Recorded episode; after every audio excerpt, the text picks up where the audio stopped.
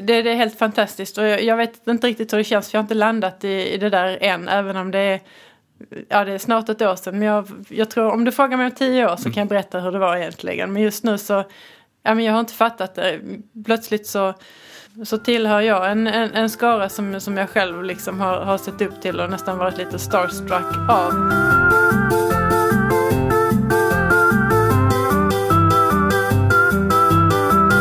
Då var det dags för en ny podd. Idag med Titti Kvarnström, kökschef på Bloom in the Park i Malmö.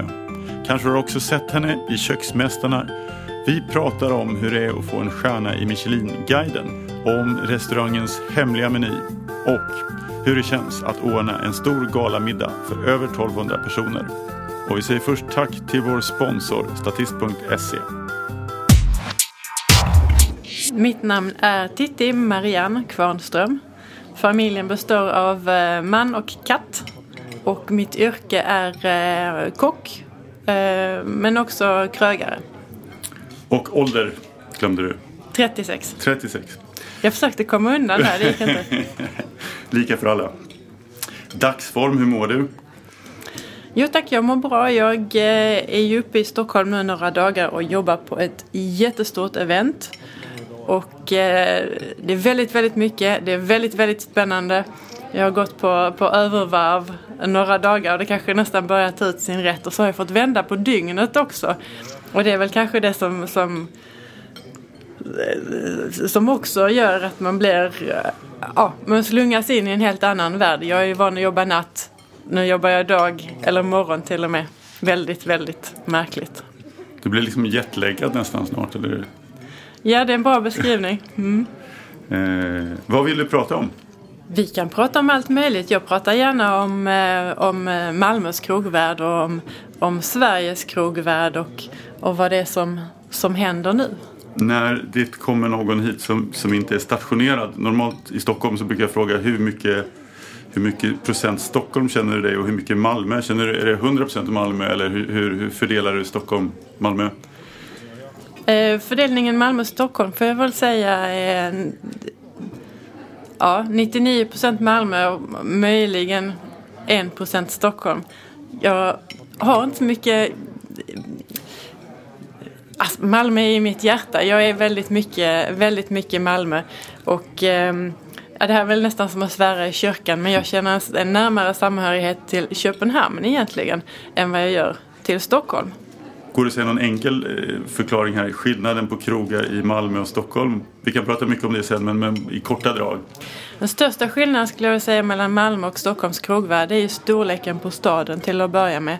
Eh, och så eh, eh Stockholm har en storstadsmentalitet. Det finns, eh, eh, det finns ett helt annat kundunderlag eller ett helt annat gästunderlag i Stockholm och det finns en annan, en annan eh, krogkultur både hos restaurangerna men framförallt hos krogbesökarna. Att man gärna tar sitt vardagsrum ut i staden och att ehm, eh, det verkar som att eh, på många sätt är, är Stockholms krogliv mera levande och att det finns en, en annan spontanitet i krogbesöken här uppe. Men hur ser en typisk krogbesökare ut i, i, i Malmö? Är det helgfixerat eller hur, finns det någon enkel förklaring? Det är eh, betydligt större fokus på helgerna i Malmös krogvärld. Man får komma ihåg också att Malmö visserligen är Sveriges tredje största stad, stad men vi har inte mer än 300 000 invånare. Det är en håla. Eh, å andra sidan har det hänt otroligt mycket i Malmö de senaste åren. Eh, och det här är ju en resa som, som Ehm, ja men som är skitspännande att vara med för det första. Men, men ehm, där, där staden har gått från, från slumrande industristad eh, där det har varit öde gator efter klockan nio på kvällen i princip till en, en levande kulturstad med eh, högskola med ett levande restaurangliv. Eh, och igen så är närheten till Köpenhamn har gjort mycket just för krogvärlden med det nya nordiska köket, den fokus som har varit på Köpenhamn just i samband med det. Om man tittar tillbaks alltså, på, på, på dig här. Eh, hur ung var du när du liksom började tänka mat liksom, tror du? jag kunde aldrig i min vildaste fantasi föreställa mig att jag skulle bli kock eller att jag skulle jobba på restaurang. Ehm, jag kommer från en akademikerfamilj och liksom hade såg väl framför mig utan egentligen att ha någon press på mig hemifrån men, men såg för mig det som en naturlig liksom, karriär att, att läsa naturvetenskapliga ämnen, att, att eh, gå in i den akademiska världen. Matte tyckte jag var jätteroligt, jag tyckte uh, teknik uh, och så vidare, det, kemi liksom, det var mitt, mitt plan i skolan. Så jag hade aldrig en tanke på, på, på restaurangvärlden och valde också ett gymnasieprogram eh, därefter. Och sen så någonstans där på vägen så blev jag sådär vansinnigt skoltrött som man kan bli när man är tonåring. Eh, och så fick jag av en ren slump en sommarpraktik i ett restaurangkök, i en storkök. Och det var... Där hände någonting. Från att komma från en helt eh, teoretisk värld där ehm, eh, med tjocka läxböcker och långa föreläsningar eh, till, en, till att komma till en, eh, en, en kreativ, en konstruktiv värld där du producerade så väldigt konkret nyttiga grejer och, och, och meningsfulla. Och att ha den närheten eh, och den här omedelbara eh, det man gör för ett omedelbart resultat i princip. Eh, kunna leverera det sen till slutkonsumenten direkt och sen städa ner, få det här alldeles tomma vita arket att komma in till nästa då. Men var du trött på det här akademiska då och ville verkligen hands-on? Liksom, nu vill jag göra någonting och skapa någonting. Och... Det var jag, men jag begrep ju inte det själv då. Mm. Men, men hemma i din familj, var det mamma och pappa? Liksom, var, det, var det situationen där? Var ni, var ni normalt intresserade eller lagade mamma och pappa mat? Eller hur såg det Ja, det, det, lagades, det lagades mat eh, och det, och det lagades väldigt tidsenligt mat. Och det var ingen, det finns inget särskilt, det finns inget specialintresse för mat i den familj som jag har växt upp med. Däremot så en lustig kuriosa är att min mormor drev restaurang. Nu har jag aldrig träffat min mormor för hon han tyvärr går bort innan jag eh, ja, dök upp så att säga. Eh, men självklart har det, har det liksom lagats mat och det var, och det, men det har liksom aldrig varit det har aldrig varit någonting som jag har tänkt på att jag ville syssla med och det har inte varit det har inte varit liksom någon särskild fokus på maten. Det har varit fokus på andra saker. Vi, vi eh, var mycket ute i naturen och, och, och liksom tittade på fåglar och tittade på växter och, och, och, allt möjligt annat. Men, men eh, maten, maten finns ju där hela tiden precis som det gör för, för, för alla i vardagen. Och det var ju mackor som skulle med på utflykterna eller det var eh, fläskkotletter med, med burktomatsås eller, eller vad, det nu kan, vad det nu kan ha varit. Och det har varit väldigt Ja men väldigt tidstypiskt. Det har varit mycket fiskpinnar och remouladsås och, eh, liksom, och spagetti och köttfärssås och, och, den mat som, som man växte upp med på, på 80-talet och början på 90-talet. Men, men, men, kan, du, eh, kan du komma ihåg liksom, de här första gångerna du var med din familj på en restaurang? För det var inte så vanligt att man gick på restaurang med mamma och pappa. Liksom. Det var ju ganska speciella tillfällen. Det var ganska ovanligt och det var ju väldigt sällan som vi, som vi var ute och åt. Nu är mamma uppväxt på restaurang så hon har väl kanske lite grann skytt eh, den mm. miljön också liksom av traumatiska barndomsminnen. Var rädd kanske för att hon skulle plötsligt bli satt i arbete i disken eller någonting för det var ju så det, var ju så det fungerade då. Eh, men eh, Ja men det märkliga är att jag, jag, jag, det här intresset väcktes ganska sent hos mig och jag jag har inte lagt liksom någon, några särskilda ingen kineskrog, ingen pizzeria. Av det, på det viset liksom på minnet. Däremot eh, så kan det finnas liksom så här, ja, men mindre liksom brottstycken av matminnen och, och smaker eller, eller situationer och, och, sammanhang. Och mat är ju så mycket mer än bara det man stoppar i munnen. Det är ju allt det man har runt omkring sig. Det är sällskapet vid, vid matbordet eller bristen på sällskap vid matbordet. Det är vädret, årstiden, sammanhanget, ambiansen, lokalen. Allt det där glömmer man gärna bort men det är ju väldigt mycket av matupplevelsen. Jag förälskade mig ju i, i krogvärlden också, inte bara i matlagandet utan i hela, i hela krog Um, i, uh, I hantverket, i den puls som finns på krogen. Och jag uh, höll mig kvar i, uh, i näringen men men som uh, ung utan utbildning så är det svårt kanske liksom att komma in i ett kök och få ett jobb. Så jag jobbade med allt möjligt annat runt omkring. Jag jobbade som som, som eh, serveringspersonal, jag jobbade i bar, jag jobbade ja, men lite runt omkring. Och sen så till slut så tog jag mig i kragen då och sökte in till hotell och restaurangskolan i Köpenhamn. När jag, ja, till slut så, ja, men jag, jag måste tillbaka till skolan. Det var motvilligt men, men jag måste tillbaka till skolan. Och det fantastiska med Danmarks utbildningssystem är att de har ett lärlingssystem. Alltså behöver man inte vara så väldigt mycket på skolan utan man får vara ute och jobba och lära sig på arbetsplatsen. Pontus Frithiofsson var här. Han dealade ju med, sin, med, med Erik då, Erik Lallerstedt, att han skulle slippa vara i skolan nästan. Han ville komma bort där helt och hållet. Så att de, till, till slut så, så gjorde de någon avtal liksom, så att han skulle få lära sig där istället.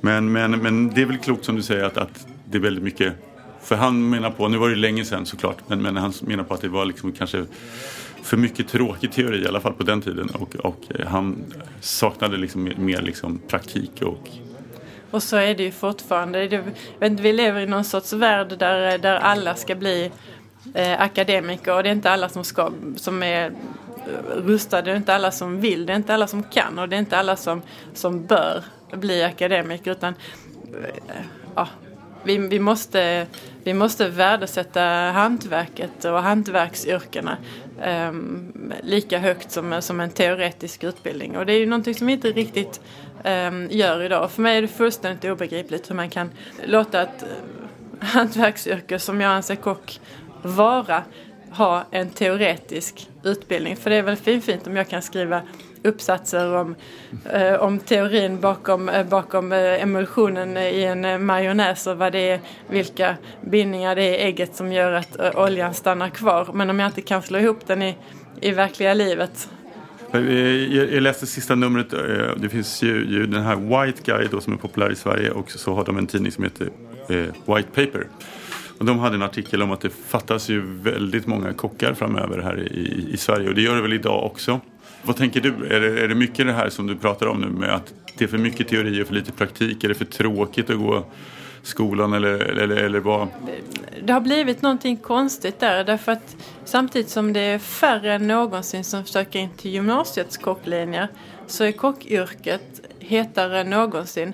Men det allra, allra största problemet som vi har i branschen det är personalflykten som sker eh, runt 30-årsåldern. Det är många unga ambitiösa som som, eh, som går in i yrket och som jobbar i yrket under några år. Och sen så när de väl är eh, utbildade, otroligt kompetenta, då försvinner de bort från restaurangbranschen och, och in någon annanstans. Och det där skulle jag vilja säga är, är ett jätteproblem och det är väl kanske Ja, jag begriper det inte riktigt själv eftersom jag inte själv är där. Jag är fortfarande fullständigt förälskad i i, i krogsvängen och i restaurangköket och kan inte tänka mig att göra någonting annat. Så, så jag, är, jag är fel person att fråga helt enkelt och jag har ju ofta fått frågan varför det är så få kvinnor i restaurangköken och det kan jag inte heller svara på för att som sagt jag är förälskad. Jag, för mig är det fullständigt obegripligt att inte alla, hela världens tjejer vill vara just kockar. Tystnad, eh, tagning! Varsågod. Varje månad behövs tusentals statister Statist.se har uppdrag till dig som vill vara statist, skådespelare, modell eller tv-publik. Hitta ett roligare jobb redan idag på statist.se. Tack så mycket, där satt den. Men vad, vad, vad tror du händer alltså om, om några år? Kommer, kommer man tvingas ta in mindre kompetent personal på krogarna? För det, någonstans så, så blir det tufft liksom, när, när det poppar upp väldigt mycket nya krogar men det finns liksom inte kockar så att det räcker? Vad, vad, vad, hur, hur, löser man det då? Ja, man kan ju utbilda internt eh, till, till en viss grad. Eh, och det förekommer ju väldigt mycket också liksom informell eh, arbetsplatsförlagd utbildning som inte är i samråd med någon skola eller med mm. något läroverk. Eh, och det det är ett system i systemet absolut inte optimalt utan jag, jag vill absolut se större samarbete mellan branschen och utbildningsställena så att man kan få eh, dels tryggheten för, för eleverna eller för lärlingarna eller de aspirerande kockarna, vad man nu vill kalla dem. Att ha ett, eh, en organisation bakom sig som stöttar oss, som, som ser till att vissa, vissa punkter uppfylls och att vissa moment lös ut. Men att sen att, att, det, att det pågår på arbetsplatsen. Sen så har vi en, ett, ett annat komplext problem som, eh, som handlar om statusen i branschen. Och det finns och nu, nu står jag här liksom och, och ynkar mig över att kockyrket är ett lågstatusyrke vilket rimmar väldigt illa med, med de rockstjärnor som vi har i, av kockar i branschen. Men de är ju väldigt, väldigt få. De flesta, allra, allra flesta kockar är ju, är ju kämpande musiker som, som spelar på gatan mer eller mindre för småpengar. Även de som, som det går bra för har det är, väldigt, som du säger, det är väldigt få som bara kan andas ut och bara att allting är perfekt utan man är inte bättre än sin sista Man är Sin aldrig sista bättre period. än sin sista tallrik. Ja. Det är så sant. Det gäller ju aldrig, eh, aldrig slappna av. Det gäller att hela tiden eh, eh, utvecklas i sin matlagning och eh, i sin tid eh, också. Och konkurrenten sover inte. Eh, precis som i många andra branscher men just i restaurangbranschen som är så väldigt trendkänslig blir det extra tydligt. Vad, vad hände sen när du hade gått färdigt skolan? Eh, Då går, du pluggar du tre år eller hur, är det två år? Eller? Det är fyra år i Fyra. Köpenhamn med lärlingsutbildning. Så eh, jobbade i Köpenhamn också under en fantastiskt begåvad eh, kock som heter eh, Paolo Guimares. Som har ett, eh, en portugisisk bakgrund och det jag fick lära mig där framförallt eh, förutom skolkökets eh, fransk-danska eh, fokus det var ju lite medelhavskök också. Ehm, senare så bestämde jag mig för att jag inte var fullärd trots examen och gesällbrev i fickan. Eh, utan ville, ville lära mig mer. Eh, ville flytta söderut i Europa. Få fler intryck från främmande länder och andra gastronomier. Och eh, Frankrike var väl målet egentligen. Nu sträcker sig min franska till chinois och mise en place och, och sådär. Och det hade jag kanske kunnat hanka mig fram på, vem vet. Men ehm, ja, via omvägar i alla fall så hamnade jag i Berlin. Eh, fullständigt otippad matstad, eh, kände jag. Men eh, upptäckte där också eh, Ja men Berlin är så mycket mer än sauerkraut och, och Eisbein. Det finns eh, en, en väldigt intressant gastronomi där och jag blev fast i staden och i stadens gastronomi. Men du, triv, du trivdes bra där och du kände att du, du fick utvecklas som kock helt enkelt? Ja mycket. Jag hade ju turen också att hamna på, på rätt ställe eller i rätt kök och med, med rätt, rätt människor. För kök kan ju vara så, så väldigt, väldigt olika. Det finns ju eh, alla sorters eh, ledarstilar från eh, Gordon Ramsay och, och, och de som är ännu värre till till ehm, eh, ja, utvecklande ledarstilar som ser den enskilda medarbetaren och, och tänker på synergin. Och just i ett sånt kök hamnade jag och blev väldigt inspirerad just, just av det och ehm, av att så mycket ansvar lades på den, på den enskilde kocken också i den kreativa processen. Kände du, eh, kände du att du hade lite nytta av din liksom, akademiska utbildning också? Liksom, att du kanske var, du hade väldigt lätt liksom, kanske att se ett sammanhang eller liksom, så kände du att... Eller, Ja, jag, kan, jag kan tycka det. Som säger jag funtad så att jag, jag har svårt att acceptera saker som jag inte förstår. Så att de, och, och, och svårt också kanske att, ta order som, som anställd om jag inte ser sammanhanget, om jag inte förstår vitsen med det hela. Eh, och då det är klart att om man har en lite grann kemi i bakgrunden att, att det har hjälpt mig på det viset att få en djupare, djupare förståelse för vad, vad det är som händer och varför, varför det är viktigt att jag gör precis si och inte så som jag kanske hade envisats med att göra annars. Många har ju berättat liksom, om, om det här, speciellt verkar det vara i Frankrike, liksom, med lite busigt liksom, att folk går och ställer om spisen och, och, och man oh kan ja, det göra var lite... mycket sånt. Vi hade stående spratt med mig och eh, ja, eh, den som körde, körde grill och jag körde eh, garni vid den, vid det tillfället. För, hade förlåt, ju vad grill, vad var det, det andra som du sa, vad, vad, vad är det för någonting? allt annat som är på tallriken förutom köttet och såsen. Alltså det viktiga Ja. egentligen. Det gröna. Kan det vara. Det gröna. Eh, Okej, f- förlåt. Eh, Fortsätt. ja men jag hade ju jag hade en, eh, en fritös eller ett oljebad åtminstone på min sida. Och ehm, ja, det var väldigt, väldigt roligt att skvätta lite vatten i den där så att det sprätter upp olja. Så då har man ju en, en, en både, Det låter farligt. Det får inte bli för mycket vatten, då, Ja. blir, då blir det farligt. Ja. Okej. Men det är hela tiden den där leken, leken med elden och det är absolut ingenting jag vill uppmuntra. Jag kanske ska liksom poängtera det. Att det här är liksom ett, ett quirky minne som jag har som jag tycker är väldigt roligt då. Mm. Idag så, så om jag skulle se liksom någon göra det så, så hade jag nog avrått från det. Ja, men. Men just då var det väldigt kul. Ja, men det kan väl bli en sammanhållning också. Man måste ju ha lite kul också på jobbet och man måste busa. Det ingår liksom i, i dynamiken kan jag tänka mig. Det gör ju det och det är ju väldigt, att, det kan ju vara väldigt roligt att retas med människor. Det, är ju- det gäller att hitta liksom en balans där och en avvägning och det, det får ju aldrig bli så långt, gå så långt att någon gråter utan det får ju vara ett liksom, ja men så länge alla kan, kan skratta åt det efteråt åtminstone. Men det, man kan göra otroligt enerverande saker också som att, som att eh, lägga gladpack eller plastfilm över folks eh, grejer och så lägga det sådär riktigt tajt så att de inte ser det och när de sen är jättestressade och ska ta någonting snabbt så så är det glad. Ah, Ja. det verkar så en, Och det kan, det kan ju vara sånt som kan få någon att få ett, få ett utbrott i en stressad situation men som, som i efterhand, ja men kom igen. Efter Tyskland, var, var hamnade du då? Eh, efter, ja, efter Berlin, eller rätt sagt eh, när jag bodde i Berlin så fick jag ett väldigt, väldigt tråkigt besked att min far var mycket sjuk. Eh, och då kändes det viktigt för mig att flytta hem. Så det var helt enkelt det jag gjorde. Och det här är sju år sedan ungefär.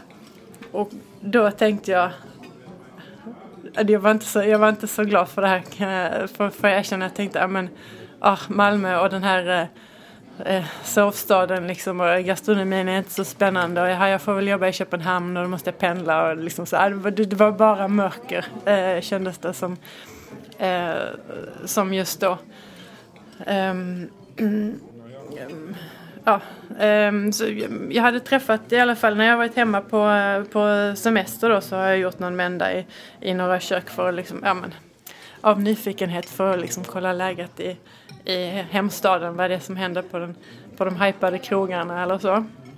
Och då eh, hade jag träffat eh, Igge Vidal som jag idag driver Blom tillsammans med. Och just då föll det sig så att han stod utan kökschef och Så valsade jag in i, Ja. i det köket. Och sen har du varit där sen dess. Sen har jag varit där sedan dess. Vad, vad var det som hände mellan er två? Eller liksom vad, med, med koncept och allting? Vad var det? ehm, hittade ni liksom någon harmoni där? Så ni fick liksom göra det ni ville allihopa på något sätt? Eller båda två? Eller vad, hur, vad, vad var det som gjorde att det blev så bra?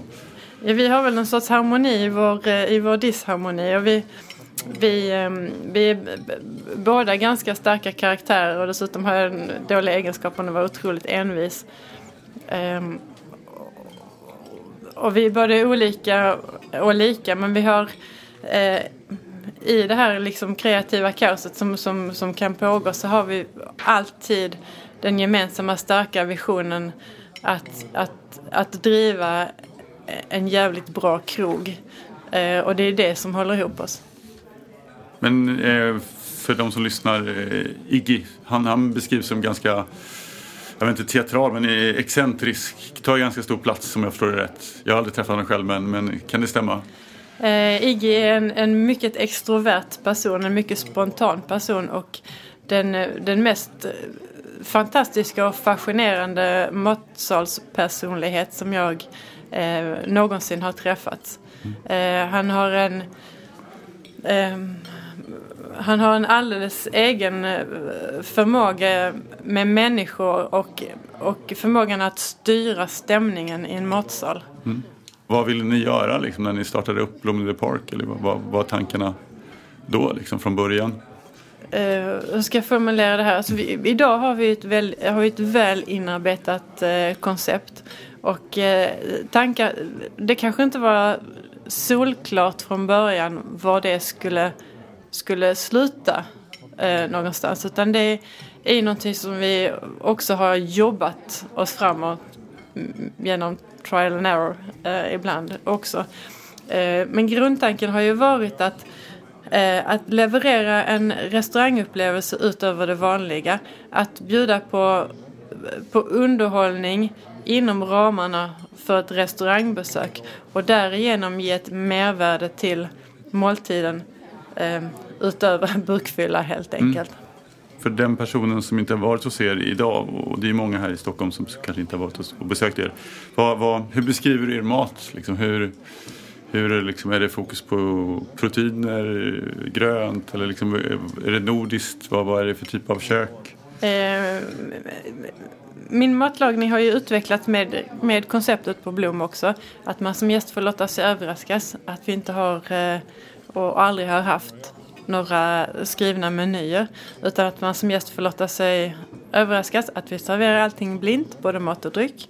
Och att vi sedan eh, uppmuntrar till att man eh, äter och njuter, kanske vågar sig på en gissning på, på, på vad det är som ligger på tallriken om man är, är intresserad av det. Och så berättar vi gärna efteråt. Mm.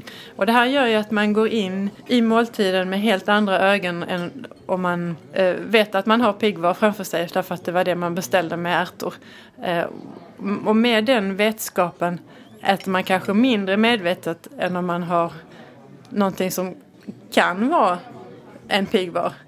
Det vill man nästan prova på sina barn också. Så här, att, att så här, ni får inte veta vad ni ska äta. Ja, och så får ni facit efter.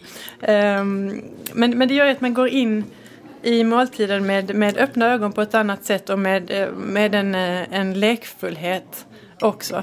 Uh, och det här ger ju mig ju både uh, friheter men också uh, ansvar. att allting måste, förutom att, att smakerna måste sitta, att allting måste vara jättegott. Mm. Så det är intressant att, att bygga in element av överraskning både smakmässigt eh, och råvarumässigt. Och min, min bakgrund ligger i det europeiska köket och, och definitivt inte i det svenska köket utan i det, det danska, det franska, det tyska. Eh, det är där jag har mina gastronomiska rötter egentligen och det är det som har varit min utgångspunkt. Sen har jag ju applicerat intryck som, som jag har haft runt omkring mig. Det har ju också varit en, eh, ljuvligt för mig att, att, att komma hem igen till, till mitt, liksom, mitt hjärtas Malmö och mitt hjärtas Skåne och återupptäcka alla de här fantastiska platserna som jag minns som barn. Eh, sommarängen, eh, höstskogen, vintern vid havet. Eh, och de elementen vill jag gärna ta in och eh, förmedla via maten också. Och mat, eh, just för att mat är så väldigt det är väldigt personligt och det är nära och det kan nästan vara sensuellt. Och att man kan ja, men bjuda på en bit natur och, och göra det så väldigt fysiskt genom maten. Nu misstänker jag att de flesta äter upp sin mat men är det så här att om, om du har ett antal rätter. Tittar du så här, liksom så här att ja, här är någon som har lämnat lite. Men här har de ätit upp. Är det så? Eller tycker du nästan det är bra? Så här, men det, här, det måste ju vara lite svårt. Liksom, alla ska inte kanske, om, om 8 av 10 tycker om det så är det jättebra. Jag vill, alla ska inte behöva tycka om allting. Eller hur, hur, hur är det, får man tänka så? Eller? Oh, det där är jättesvårt därför att man, jag vill ju så gärna vara till lag så jag vill, jag vill men, men det går inte. Alla gillar inte lakrits. Alla alla älskar inte choklad. Fullständigt obegripligt tycker jag. Men, men jag, jag blir tvungen att acceptera att det ändå är så att, att um, smaken kan vara väldigt olika. Uh, och det där kan ju gälla både enskilda smaker men det kan ju också gälla, det kan ju också gälla eh, texturer. Jag är väl kanske liksom en av de få som, som uppskattar äppelskrutten mer än, än allt det som är runt omkring på äpplet och tycker den, mm. den är det godaste på hela frukten. Eh, och åsikterna går isär helt enkelt när det, när det gäller mat. Och, och även om jag så gärna vill så, så kan jag inte vara alla till lags. Mm. Utan det gäller att hitta en balans där maten är, är, är god men också intressant. Mm. Eh, och just med smakerna, att, att, att ta in de här, de här smakerna som, som, som inte är för alla, som inte alla går igång på. Eh, och låt det vara lakrits eller kalvlever eller vad det nu kan vara. Men att det, presentera dem på ett sätt som, som gör det njutbart för åtminstone nästintill varje gäst. Och det kan handla om, om, presentationen, det kan handla om tillagningssättet men det kan ju också handla om mängden eh, på tallriken eller i, i munsbiten. Men era gäster de förväntar sig väl också att, att bli lite överraskade? Liksom. De har väl lite plats för det? Det hoppas jag, det vill jag att de ska göra. Det var ju otroligt häftigt att, att ni då fick, eller restaurangen, du, du, ni fick en stjärna i, i guiden. På vilka plan liksom berörs det av det? För det måste ju vara det måste ju vara som att vinna Mello eller liksom, det måste ju vara som att, jag vet inte, vad, hur kan du det, beskriva? Det, det är jätteroligt. Um, det, det, är helt fantastiskt och jag, jag, vet inte riktigt hur det känns för jag har inte landat i, i det där än även om det är Ja, det är snart ett år sedan men jag, jag tror om du frågar mig om tio år så kan jag berätta hur det var egentligen. Men just nu så, ja men jag har inte fattat det. Plötsligt så så tillhör jag en, en, en skara som, som jag själv liksom har, har sett upp till och nästan varit lite starstruck av. Men om vi, om vi eh, bortser liksom från mitt ego som naturligtvis har fått en boost av det här. Så eh, det som jag har fokuserat på, det som jag liksom tycker är så roligt med att eh, Blom har fått en stjärna är att guiden har kommit till Malmö.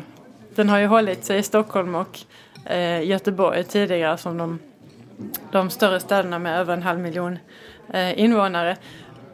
Och det är inte bara så att Malmö har fått en stjärna, Malmö har fått tre stjärnor.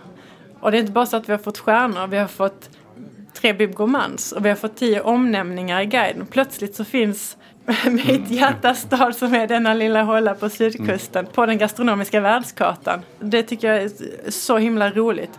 Eh, och stjärna eller ingen stjärna till, till mig eller min krog hade vi inte fått den nu så finns möjligheten att få en. Man kan jobba mot det, man kan ha det som en morot för att fortsätta att leverera liksom en, en, en exceptionell restaurangupplevelse. Eller för att fortsätta laga god mat. Alltså den, den kan finnas där som liksom Ja men som grädden på moset. En stjärna är inte allt men det kan vara en, det kan vara en, det kan vara en morot.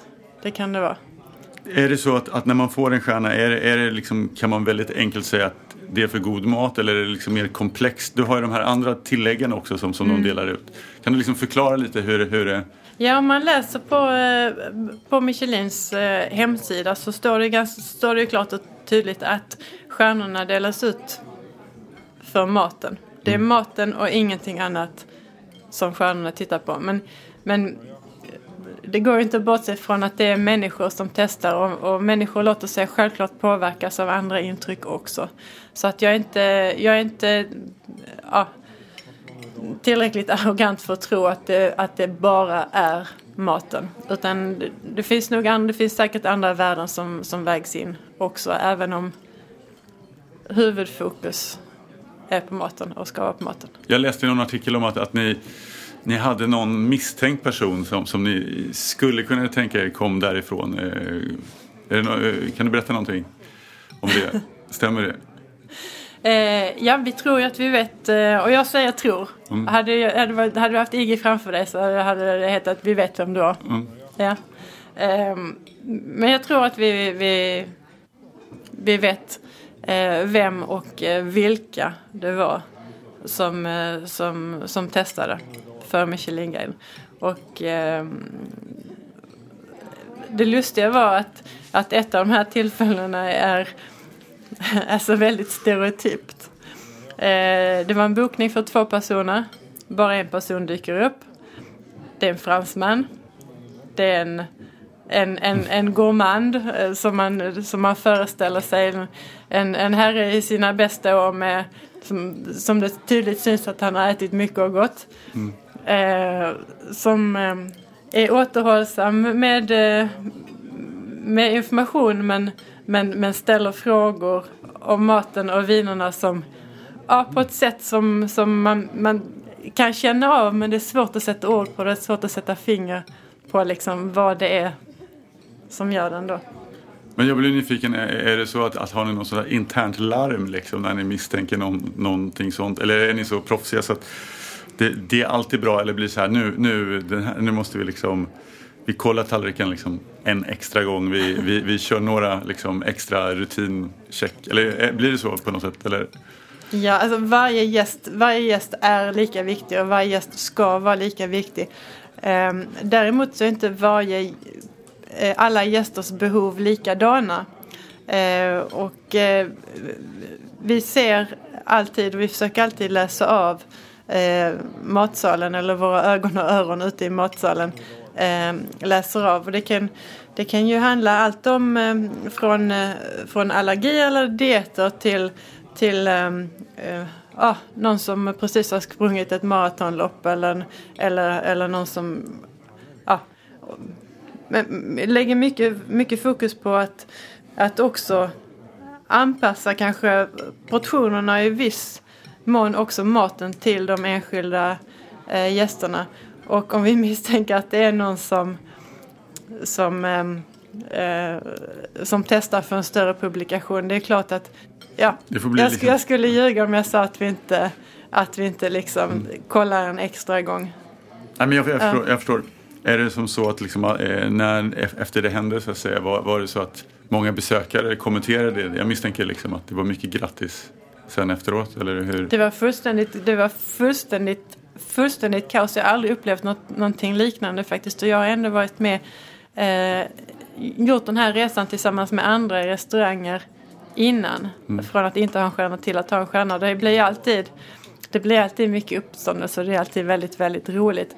Men nu var det så mycket som hände på en gång. Det var första gången vi har, stjärn, vi har stjärnor i Malmö mm. eh, på det viset. Um, sen eh, hände det absurda också att jag råkade vara första kvinna som, som får en stjärna i, i, i Norden på det viset. Och då, Ja men det var sånt mediedrev. Det var, det var liksom, telefonen ringde i ett, det var ett tv-team som man såg dem irrade runt på andra sidan pildammarna i parken. Man sa vad är det där? Så ni, nej, jag ork, nej. Och så kom det på andra hållet. Det var så mycket blommor så vi fick inte plats med dem. Mm. Det var nästan så att man sa åh tack för blommor för att de ville ha en med dig. det var, vid något tillfälle så försökte jag gömma mig på kontoret och tänkte jag kan, jag kan kolla på mejlen liksom så här och, och och koppla bort lite grann. Samtidigt som jag läste det första mejlet så ding, ding, ding, ding. ding och då, nej! Trillade in tio nya.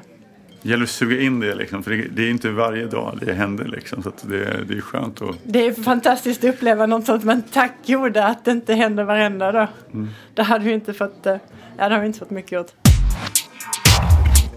Om, om du skulle få liksom idag, eh, om du fick en liksom påse med pengar och fick göra precis vad du ville eh, var, som var, var, som helst i, i, i Sverige. Liksom. Var, var, är det liksom någon typ av krog som du liksom, du behöver inte göra det på riktigt utan bara så här, det här har jag liksom gått och funderat på. Sen kanske det aldrig skulle bli av men är det någon så här, något koncept eller någonting som du skulle tycka var lite spännande? Jag har funderat på, jag har funderat på, på många saker eh, och det finns, det, finns, det finns mycket som lockar men, men eh, jag skulle inte vilja göra någonting annat än, än det jag gör idag. Eh, det är summan av kardemumman mm. faktiskt.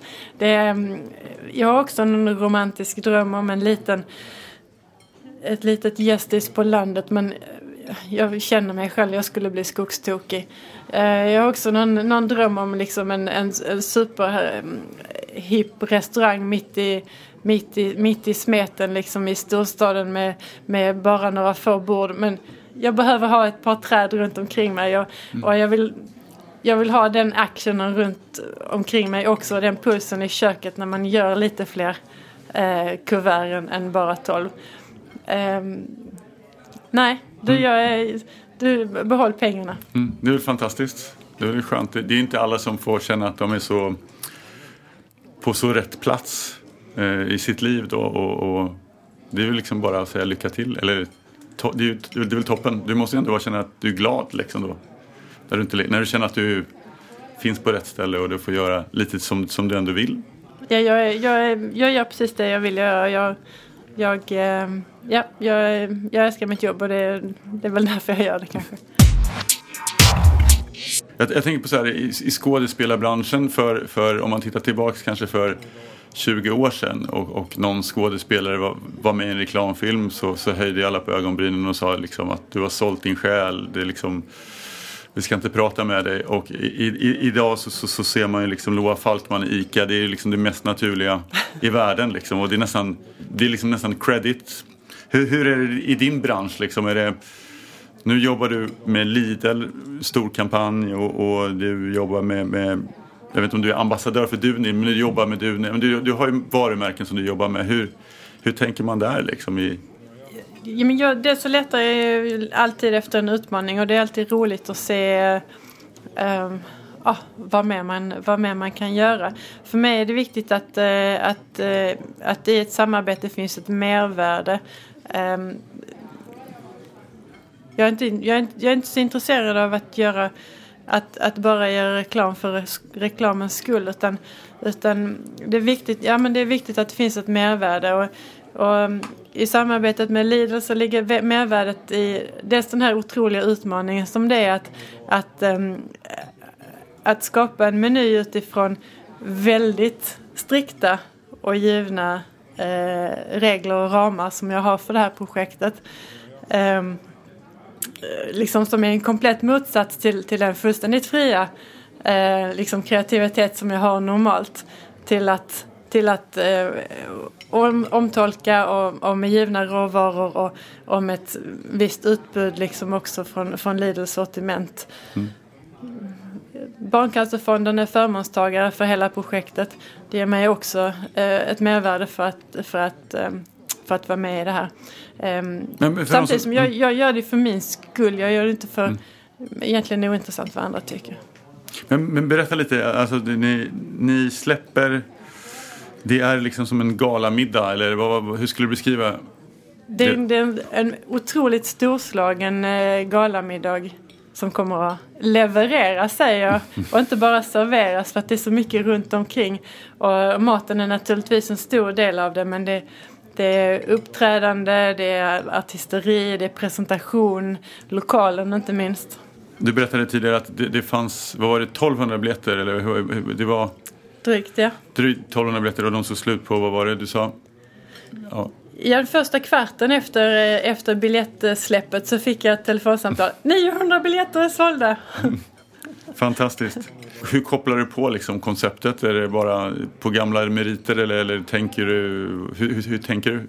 Varje koncept och varje, varje kväll och varje meny eh, är ju unik. Alltså just, nu väljer jag mina ord här verkligen mm. med silkesvantar för att allting är superhemligt och jag har fått väldigt noggranna restriktioner om vad jag får lov att säga och vad jag inte får lov att säga.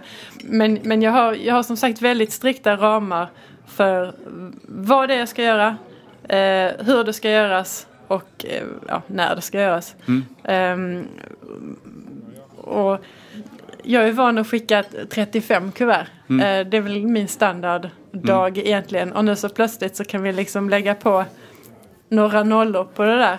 Uh, och då, då börjar man titta på, på logistiken och på, på utrustningen och, och, och personalen. Och det är så väldigt mycket som ska klaffa. Det är inte bara råvarorna som, som, som som självklart måste, måste hålla högsta kvalitet för att liksom slutresultatet ska bli bra. Men det, ja, det är så mycket teknikaliteter som man kan gråta ner sig och det, mm. det där, det är så roligt. Mm. Kockar, alltså det finns ju hur många namn som är här, alltså Melker Ekstedt, Karin Fransson, Frida Nilsson. Ja, det finns en lång lista. Har du, har du några sådär som poppar upp i ditt huvud eller några som du Fångar är det någon som du har blivit liksom lite mer intresserad av eller nyfiken på? Eller?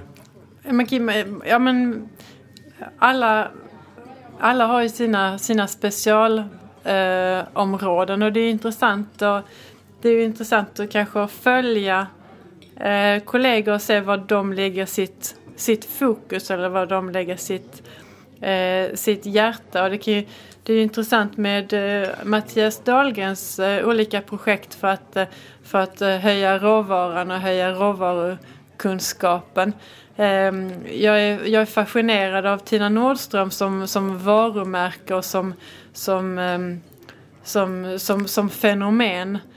Och det är liksom imperiet som hon har skapat runt sig själv.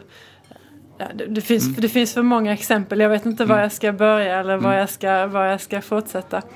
Um, systrarna Brydling som, som jag har blivit, ett radarpar som, som gör också massa spännande saker som, ja, ja men det, ja, Det finns många. det finns, det finns för, ja, Eh, finns för många på för kort tid höll jag på att säga för att vi ska hinna igenom alla. Många, många som lyssnar är såklart jättematintresserade och, och går gärna på krogen. Vill du skicka dem till liksom någon speciell stad i världen eller har du något så här tips med, med, som du tänker att man ska åka till Barcelona, man ska åka till Paris, man bör åka New York? Eller är, det- har du, är det någonting Det är svårt därför att, därför att det händer så mycket. Det, det utvecklas eh, hela tiden och, och eh, man, hittar, man hittar ständigt nya favoriter. Ehm, Köpenhamn är ju fortfarande en väldigt, väldigt intressant eh, matstad och som, som ligger för nära för att man egentligen ska ta sig tid att, att stanna upp där många gånger. Men det skulle jag vilja eh, rekommendera. krogarna i Stockholm om vi ska avsluta här. Hinner du prova några eller är, det liksom, är det bara eh, fram och tillbaks, pang pang och, och eh, det är väldigt mycket fram och tillbaka och, och pang pang och långa dagar och jag har fått vända på dygnet också och ehm, jag, vill, jag vill ju väldigt gärna komma ut och äta och, och ehm, Vil- Vilken restaurang står överst på listan då? Har du någon sån här lista att jag skulle vilja gå till, är det Mattias Dahlgren eller vill du gå till, eller vad, vad, vill du hamna om du, när, du, när du någon gång får tid då? Ehm, ja, men jag vill egentligen gärna prova allt. Ehm, igår så var det någon som frågade mig om jag hade varit på Lilla Ego och kunde jag säga att nej det har jag tyvärr inte haft tillfälle än. Du måste, måste dit, eh, fick jag höra då. Så att det är väl i- av den anledningen så står det eh, överst på listan nu. Men det finns ju jättemånga, jag skulle vilja, ja det finns många. Då tackar jag Titti Kvarnström för att du kom hit till Kroguiden. Tack för att jag fick vara med. Tystnad, eh, tagning. Varsågod.